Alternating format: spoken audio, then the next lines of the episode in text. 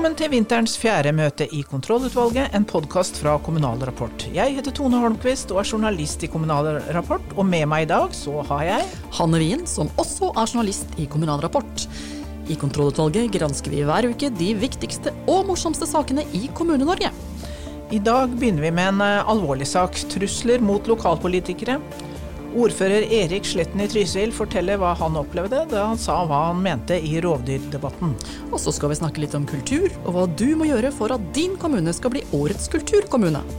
Lokalpolitikere vil på Stortinget, og i vår serie Fra rådhuset til Stortinget hører vi fra noen av dem. I dag har vi noen spørsmål til Mahmud Farahman fra Porsgrunn, som er listet opp for Høyre i Telemark. Og til slutt må vi snakke litt om skikk, bruk og juss under digitale kommunestyremøter. Er dagsorden godkjent? Den er godkjent, og møtet er satt.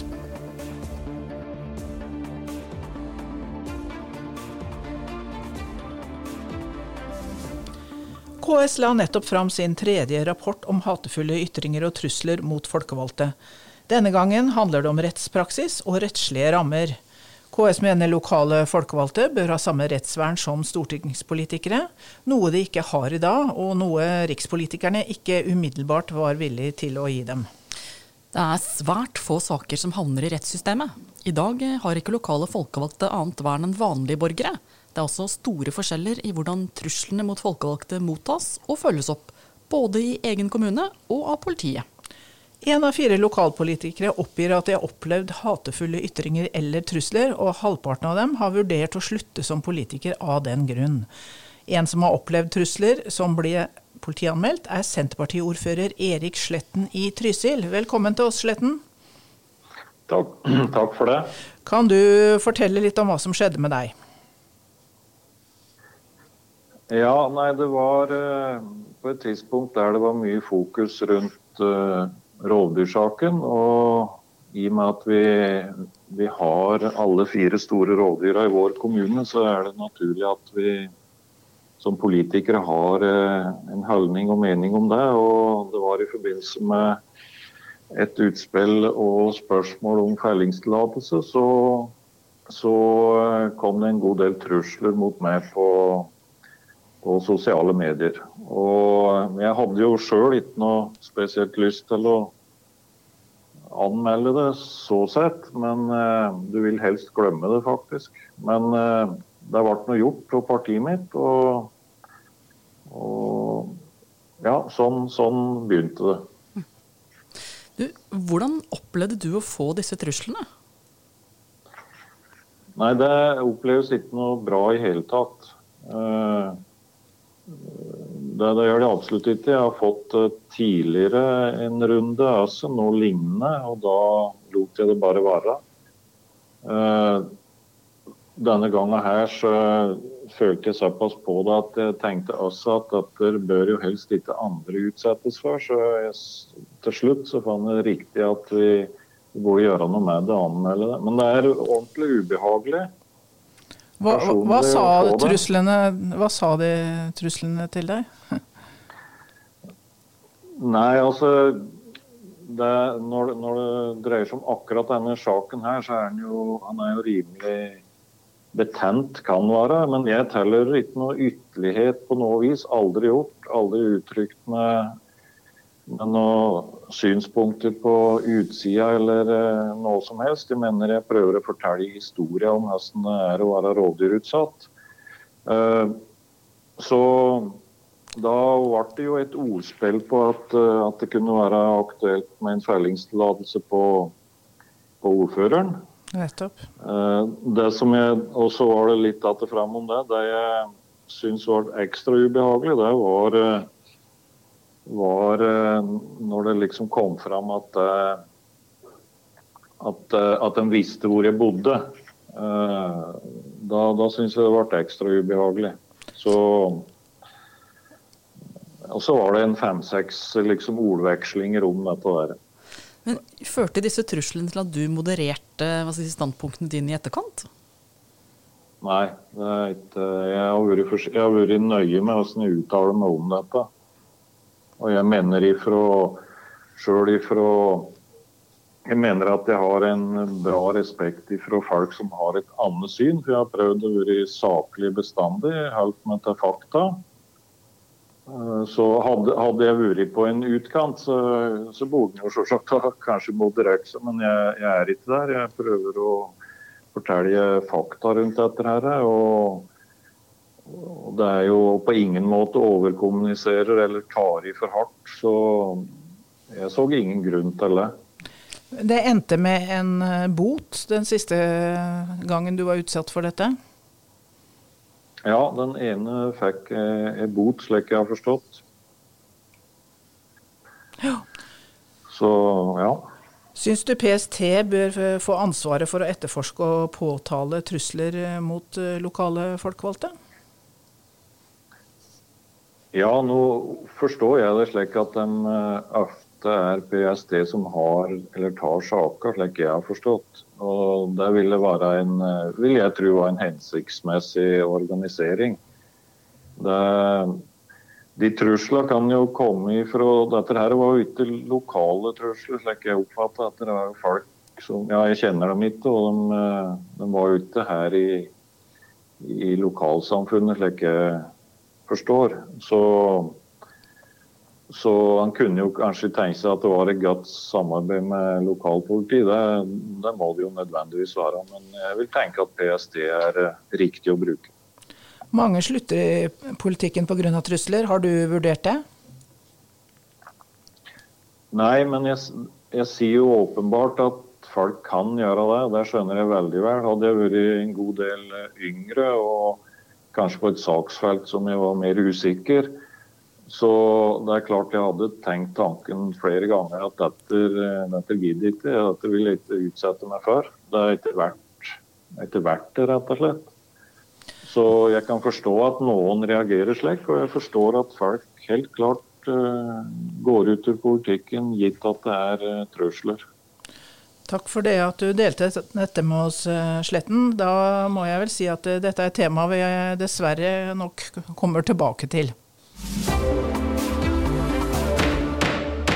Annethvert år kåres Norges kulturkommune, og den 15. april er det tid for å søke igjen. Det er NOKU, Norsk kulturforum, som er de kommunale kulturarbeidernes faglige forum, som kårer vinneren. Og du, Hege Knarvik Sande, er leder der. Velkommen til oss. Takk. Du, hva skal til for å vinne denne kåringen? For å vinne denne kåringen, så må man for det første så må man sende inn en søknad. Eh, og denne prisen det er jo en pris som man søker seg til. Eh, og da må man ha en søknad hvor man reflekterer over det arbeidet man gjør i kommunen med eh, kultursektoren.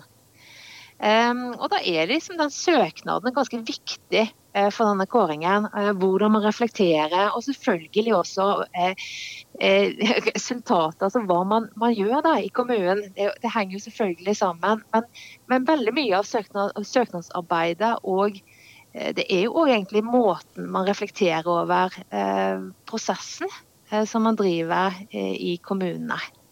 Hva er premien for den som vinner? Premien det er ære og berømmelse. Eh, vi har jo en liten premie, sånn, sånn at man får en gave. Men premien er egentlig at man i, i løpet av to år blir feira eh, på et nasjonal arena for det arbeidet man gjør. At man får synlighet både gjennom at vi promoterer eller viser frem den kommunen som har vunnet.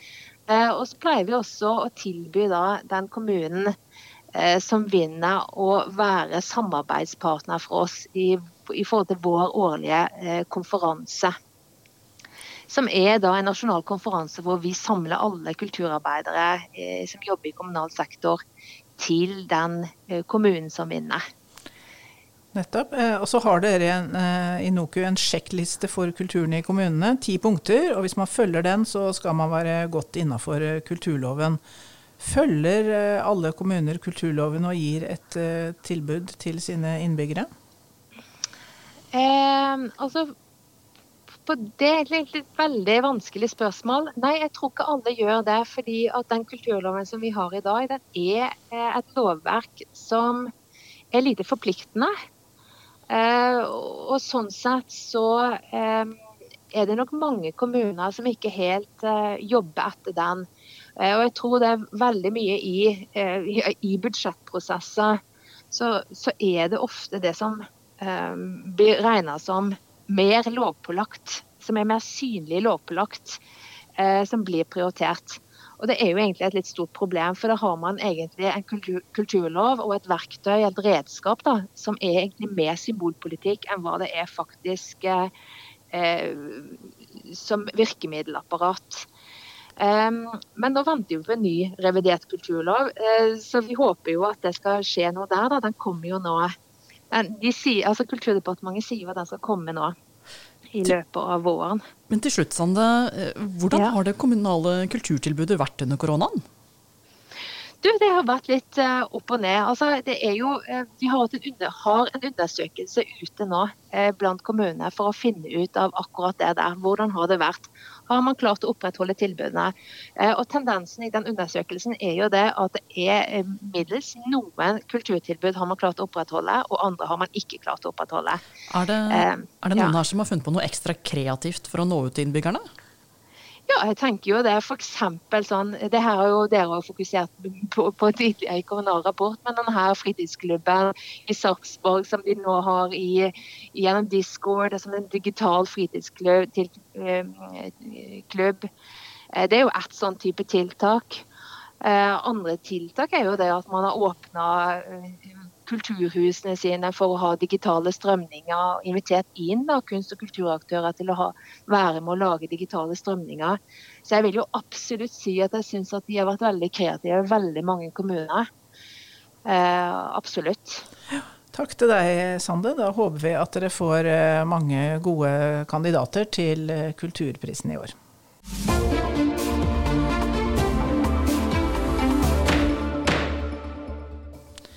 Det er stortingsvalg i år, og flere lokalpolitikere blir nominert høyt på listene. Vi har laget en serie vi kaller Fra rådhuset til Stortinget, og i dag skal vi gi noen kjappe spørsmål, og forhåpentligvis få noen kjappe svar fra Mahmoud Farman, Høyres listetopp i Telemark. Velkommen til oss, Farman. Veldig hyggelig. Du sitter jo altså i Porsgrunn kommunestyre og Vestfold og Telemark fylkesting. Du jobber med IT-sikkerhet, og nå vil du altså på Stortinget. Hvor stor sjanse har du til å bli stortingsrepresentant? Eh, Dersom dagens resultater holder seg, så er det ganske stor sannsynlighet eh, for det. Og det ser jeg fram til hvis muligheten byr seg. da. Hvorfor vil du forlate lokalpolitikken for å bli nasjonalpolitiker? Eh, jeg føler ikke jeg forlater lokalpolitikken. Jeg føler at jeg får vært med å bidra til å synliggjøre våre behov i Grenland og i Telemark på Stortinget. Og det tror jeg er like viktig som å være en lokalpolitiker. Hvorfor bør folk stemme på akkurat deg? Det er et godt spørsmål. Det lurer jeg også på. Nei, jeg, jeg, tror nok det at jeg er villig til å høre på fornuft.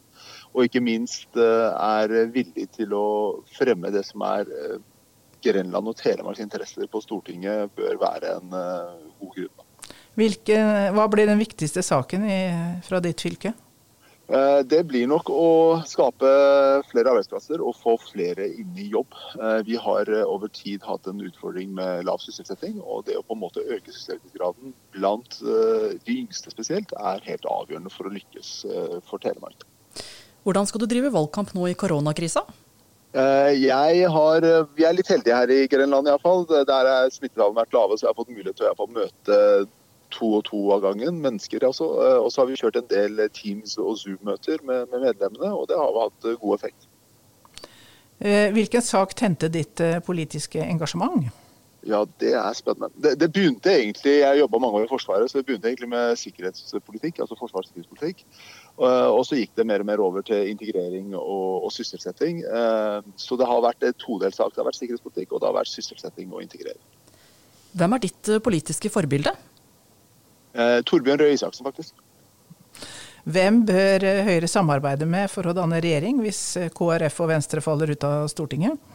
Det politisk korrekte svaret er at det vil ikke jeg mene så mye om. Men det politisk ukorrekte er nok å si at eh, jeg tror nok eh, Høyre og Senterpartiet hadde vært en god match på, på Stortinget. Vi får se om det lar seg realisere i en regjeringskonstellasjon. Men dagens konstellasjon er også nokså bra. Høyre har sittet snart åtte år i regjering. Hvilke saker skal de ta fatt på om det blir en tredje regjeringsperiode?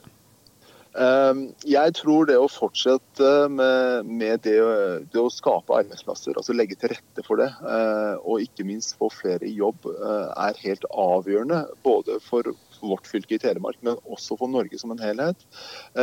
Og ikke minst det å prøve å, å, finne nye industrier som vi kan satse på. Vi har hatt eh, god hell med, med, det som har vært Hydro en gang i tida. Vi har vært veldig heldige med oljeindustrien. Vi er gode på offshorenæringa.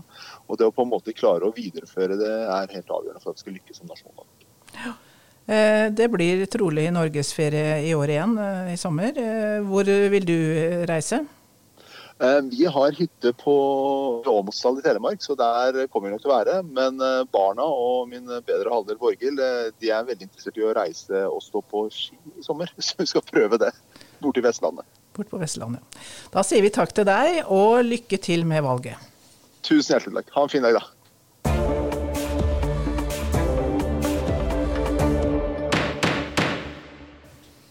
Ja, da har vi kommet til eventuelt. Har du noe her, Tone?